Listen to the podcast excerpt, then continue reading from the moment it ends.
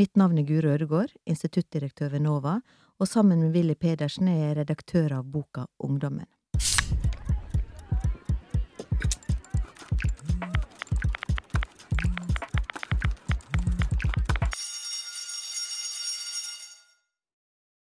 Kanskje har ungdom blitt mer plaget av angst og depresjon de senere årene. Men skolefaget livsmestring er neppe noen god løsning på dette problemet. I dag har vi besøk av Ole Jakob Madsen, professor i psykologi ved Universitetet i Oslo, og forfatter av en rekke bøker, bl.a. om ungdom og psykisk helse. Velkommen, Ole Jakob. Takk for det. Jeg husker for noen år siden at vi fikk denne litt catchy betegnelsen generasjon prestasjon. Det var nok miljøet ved NOVA som eh, myntet eh, dette begrepet. Og jeg tror mange så for seg pliktoppfyllende jenter som strever livet av seg for å få gode karakterer på skolen. Eh, selv har jeg alltid vært glad i dikt, poesi. Jeg husker jeg fikk en assosiasjon til den amerikanske lyrikeren Emily Dickinson, som nok var en uh, veldig pliktoppfyllende, engstelig person. Veldig opptatt av uh, formfullendte dikt. Men jeg husker altså at hun ble beskrevet eh, av den norske lyrikeren Inger Hagerup, eh, som nok var en helt annen type, på denne måten. Meget spinkel, meget liten, alltid sirlig kledd i hvitt. Gjennom huset trippet hennes veloppdragne pikeskritt. Altfor ensom, altfor tapper. Jeg fikk denne assosiasjonen, tror jeg, fordi jeg ante en slags forløper for denne nye generasjon prestasjon metaforen. Det, var, der er også snakk om en jente. Og fram, for, fram, til da så hadde vi jo bekymret oss mye for rølpete gutter som røyka hasj og skulka skolen. Men nå fikk vi på en måte noe nytt å bekymre oss over. Men Ole Jakob, sånn som jeg forstår deg, så liker du ikke så godt denne betegnelsen generasjon prestasjon. Hvorfor er ikke det noe særlig treffende betegnelse, eller en viktig betegnelse, syns du? Ja, det stemmer, stemmer nok det. Eh, selv om jeg da har gitt ut en bok som heter 'Generasjon prestasjon hva er det som feiler oss', eh, så er det nok sånn som med en del andre generasjonsbegrep. altså ja, 68-generasjonen er kanskje også eh, et godt eksempel. altså husker godt det sjokket selv jeg fikk, da, hvor jeg fant ut at foreldrene mine var jo unge på den tiden, men de var slett ikke langhårede, røykende hippier eller noen rebeller på noen som helst måte. De fortsatte stort sett livslinjene til sine foreldre. da, og det er jo det som ofte er problemet med generasjonsbeskrivelsen. Altså at man kanskje tar en innflytelsesrik liten klikk, eller på en måte en viss gruppe mennesker, da, som selvfølgelig er, er, viktige, og tenker seg at de er representative for hele generasjonen. Da. Og litt den samme problematikken tenker jeg det er med generasjon prestasjon. Da. Um, det var liksom en sånn beskrivelse som ble veldig fremtredende i, i media og den offentlige samtalen mot uh, midten, slutten av 2010-tallet. Um, men når jeg begynte å grave i det, så fant jeg vel ut at det å f.eks.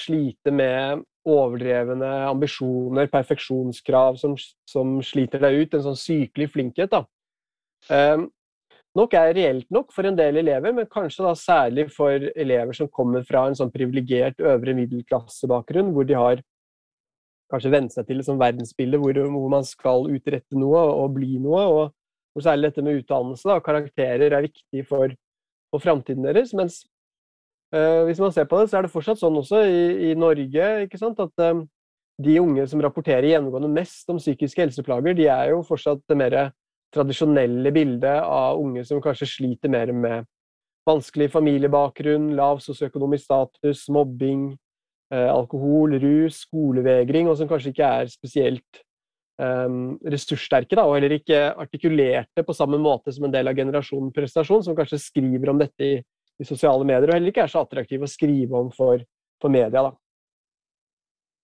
Nettopp. Uh, uh, vi skal komme litt tilbake til dette med sosioøkonomisk status etter hvert, men uh, en av de tingene som gikk parallelt med denne betegnelsen generasjon prestasjon, det var jo at eh, det så ut til at ungdom også fikk uh, dårligere mental helse. Altså mer angst, depresjon.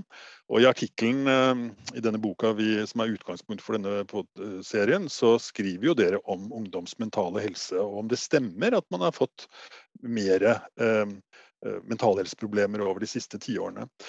Altså jeg selv har jo intervjuet veldig mange ungdommer, og også sånne som strever. Og mange av dem kan slenge ut av seg at de er litt deppa. Men uh, er det det vi nå snakker om? Altså når vi snakker om økende uh, forekomst av angst, depresjon.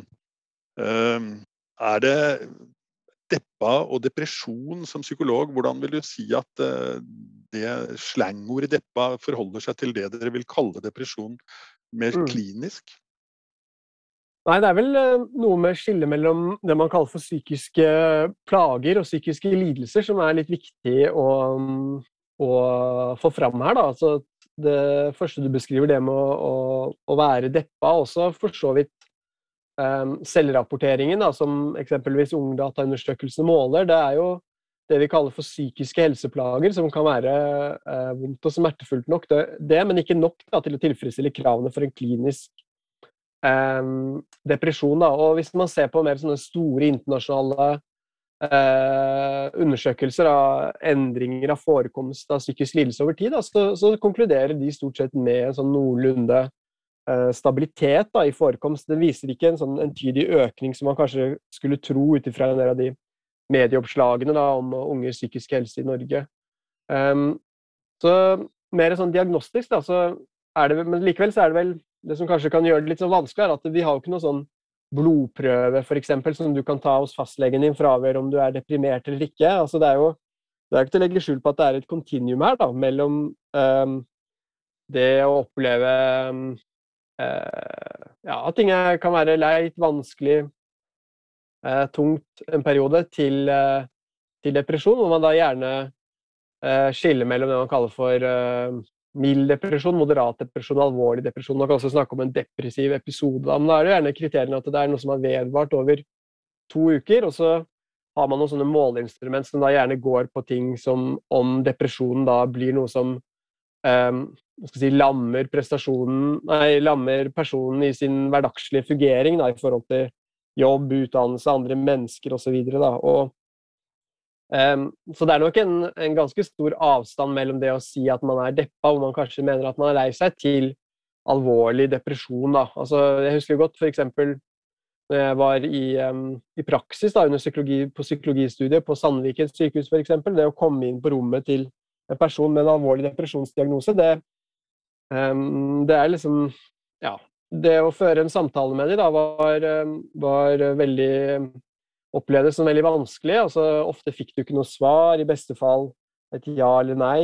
Um, det er på en måte en veldig sånn tap av energi. Alt er veldig bare uh, tungt og trist, rett og slett. Altså, jeg må innrømme at det var en sånn det føltes som en veldig sånn lettelse da, å komme ut av rommet der etter bare kanskje ti minutter, som kunne føles som en veldig sånn evighet. da. Så det er på en måte uh, et ganske annet kanskje til, tilstandsbilde da, enn å, enn å si at man er deppa. Så vi husker sikkert begge at uh, den norske statsministeren Kjell Magne Bondevik sa at han, han ble sykemeldt og uh, hadde hatt en depressiv reaksjon, var betegnelsen han brukte, tror jeg. Uh, jeg tror veldig mange syns det var fint. altså Bra at en så fremtredende person i det norske samfunnet faktisk medgir det. Det var helt opplagt. Tidligere toppolitikere som hadde hatt denne typen reaksjoner, men som hadde prøvd å holde det hemmelig. Så jeg tenker på den ene siden at det, det, er fint at du får økt oppmerksomhet rundt det, men så vil kanskje noen si at eh, kanskje er vi for slepphendte med å dele ut sånne diagnoser. Du snakker om at uh, det er forskjell mellom å være plaget og en lidelse. Så syns du selv at uh, man drysser ut av seg sånne diagnoser litt for ofte, eller syns du at vi har kommet et riktigere sted? Ja, det er nok et litt sånn sammensatt bilde, som du er inne på. da, at Jeg tenker jo det er en del eh, fortrinn med en litt sånn større åpenhetskultur. da, At ikke det virker som det er like skambelagt som det var for noen generasjoner siden, f.eks. Å ha en, en, depresjon eller oppsøke um, psykolog. Um, samtidig så kan jeg ta meg selv og lure på kanskje hvor ble av det mer sånn skal si, eksistensialistiske språket som på sett og vis lodder livets oppturer og nedturer. da, At det virker som om hverdagsspråket vårt, og kanskje særlig ungespråk, som kan si sånne ting som at det er angster, f.eks. Det sa aldri når jeg var var ung, at de har blitt litt mer gjennomsyra av et sånn type si, psykiatrisk diagnosespråk. Da, og det, da kan man jo lure på om det også gjør det litt lettere å tolke f.eks. ungdomstidens oppturer og nedturer inn i et sånn type medisinsk, psykologisk vokabular, og kanskje også da som kanskje også gjør da handlinger som da alt fra å, å skaffe seg smertestillende til å oppsøke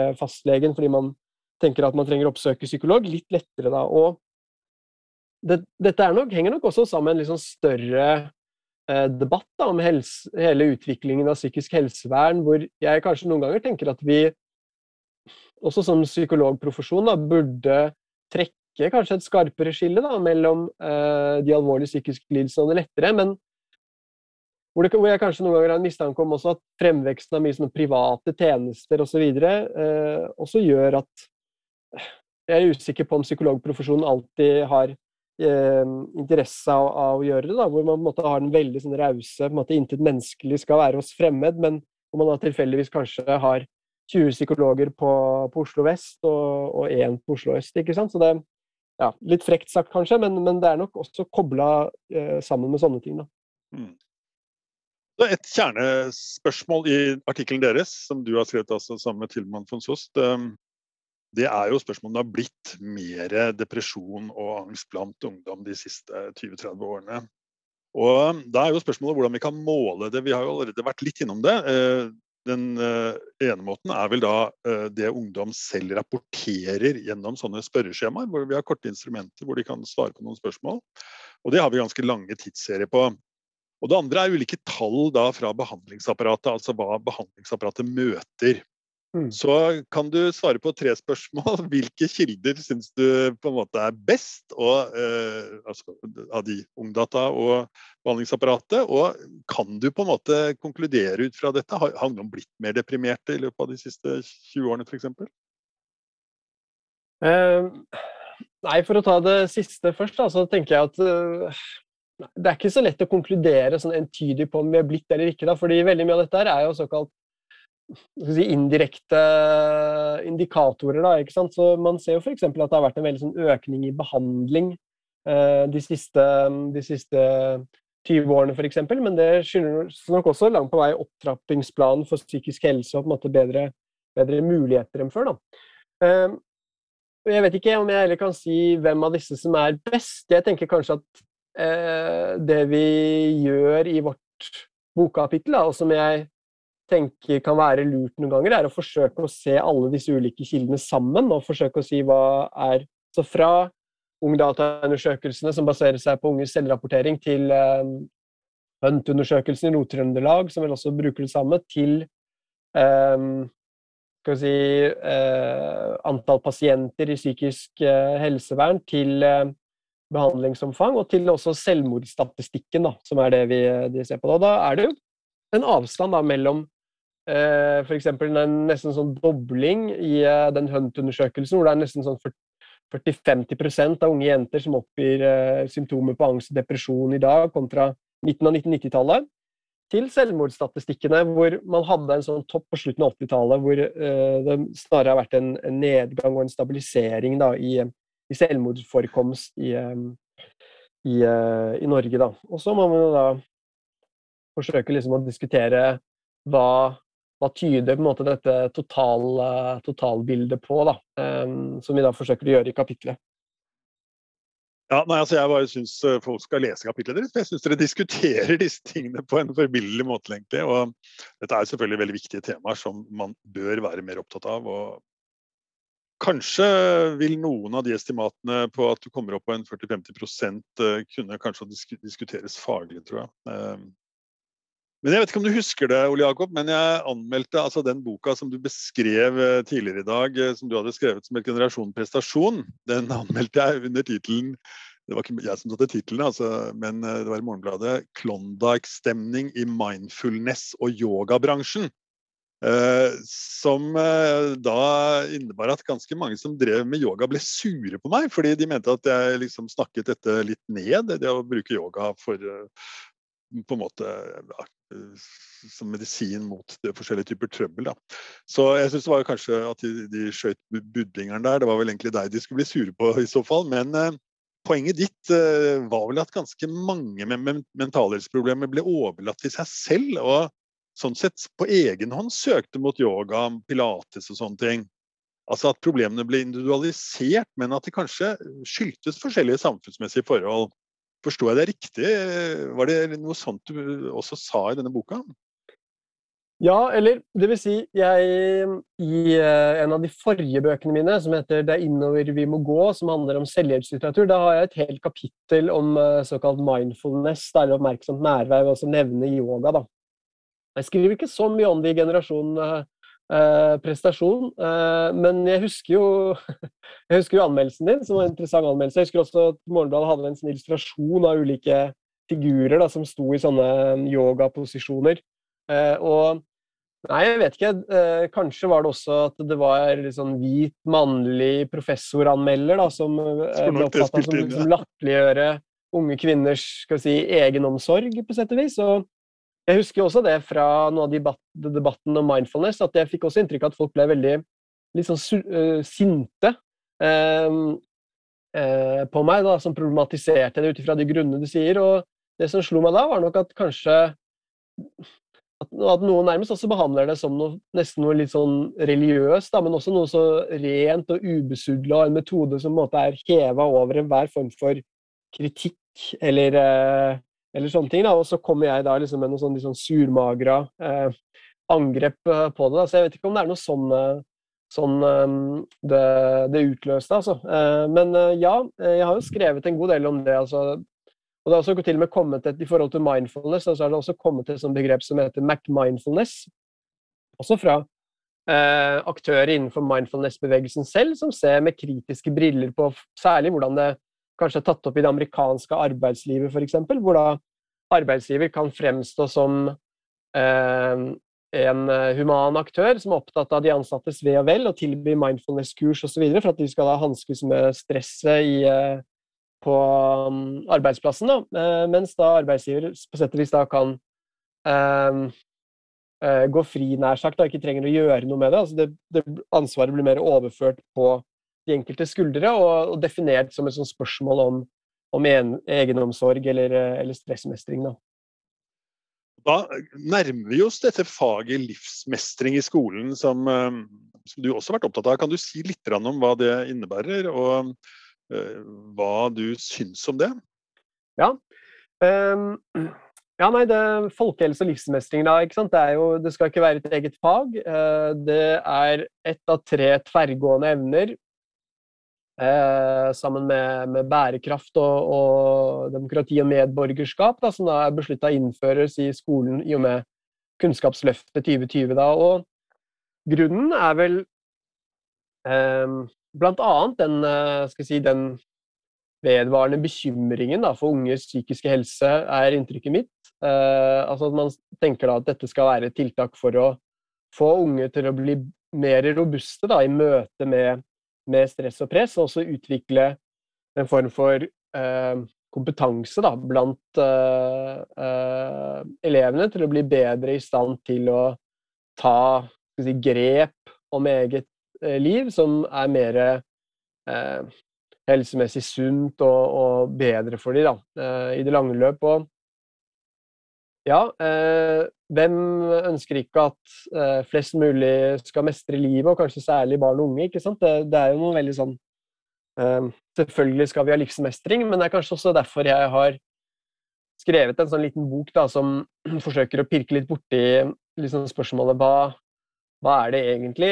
Hva vil det egentlig si å mestre livet? Er det noe som på en måte vi kan lære bort? Er det, er det liksom noe vi kan redusere til et spørsmål om kompetanse? Hvor, hvor vel bekymringen min enkelt kan oppsummeres i at um, at hvem som lykkes godt her i livet eller ikke, da, på en rekke parametere, det handler nok om veldig sånn er knytta til uh, store, tunge ting ved samfunnsutviklingen for øvrig, som si, oppvekstvilkår, sosiale forskjeller, uh, økonomi, politikk osv. Eh, men som man her da kan bli litt redd for at man da reduserer mer til et sånn individualisert spørsmål eh, og et sånt ansvar som legges på den enkelte da, gjennom noen sånne psykologiske teknikker eller verktøy som de unge skal lære seg for å holde stresset på avstand.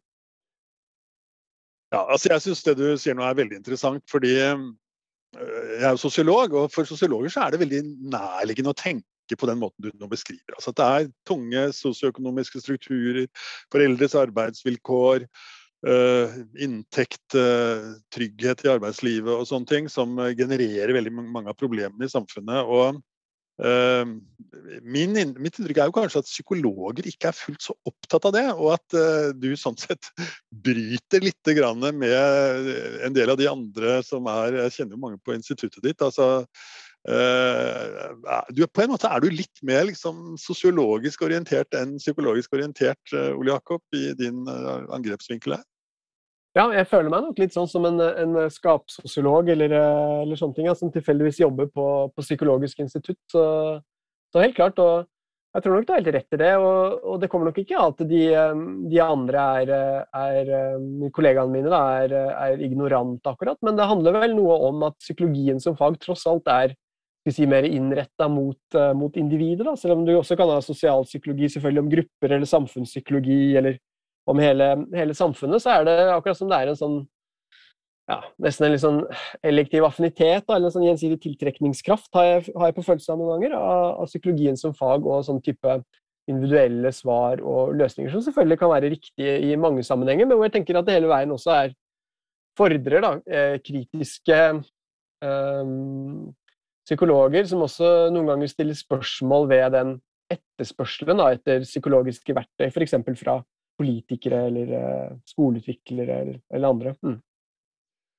Ja, men uh, da er eh, tiden inne for å si tusen takk for at du kom, Ole Jakob. Og um, nå kan jeg også røpe for lytterne at når vi snakker Ole Jakob og jeg om dette, så er det bare et par dager siden valgresultatet ble klart. Og Der ble det jo da en ny rød-grønn regjering. Alt tyder på det, så får vi se hvor mange partier som blir med den. Men eh, kanskje vil det være sånn at denne regjeringen er opptatt av mange av de tingene som eh, du har snakket om i dag. Altså sosioøkonomiske forhold, eh, hvordan eh, man skal lage tryggere samfunn, bedre sikkerhetsnett og sånne ting. Kanskje vil de skrote livsmestringsfaget i skolen, eller kanskje vil de gjøre det på La de inneholde mange nye elementer, hva vet jeg. Men uh, i hvert fall veldig hyggelig å snakke med deg, Ole Jakob. Og artikkelen uh, som du har skrevet sammen med Tilman von Soss, er altså i, uh, lett tilgjengelig i boka vår. Så takk for at du kom. Takk for meg.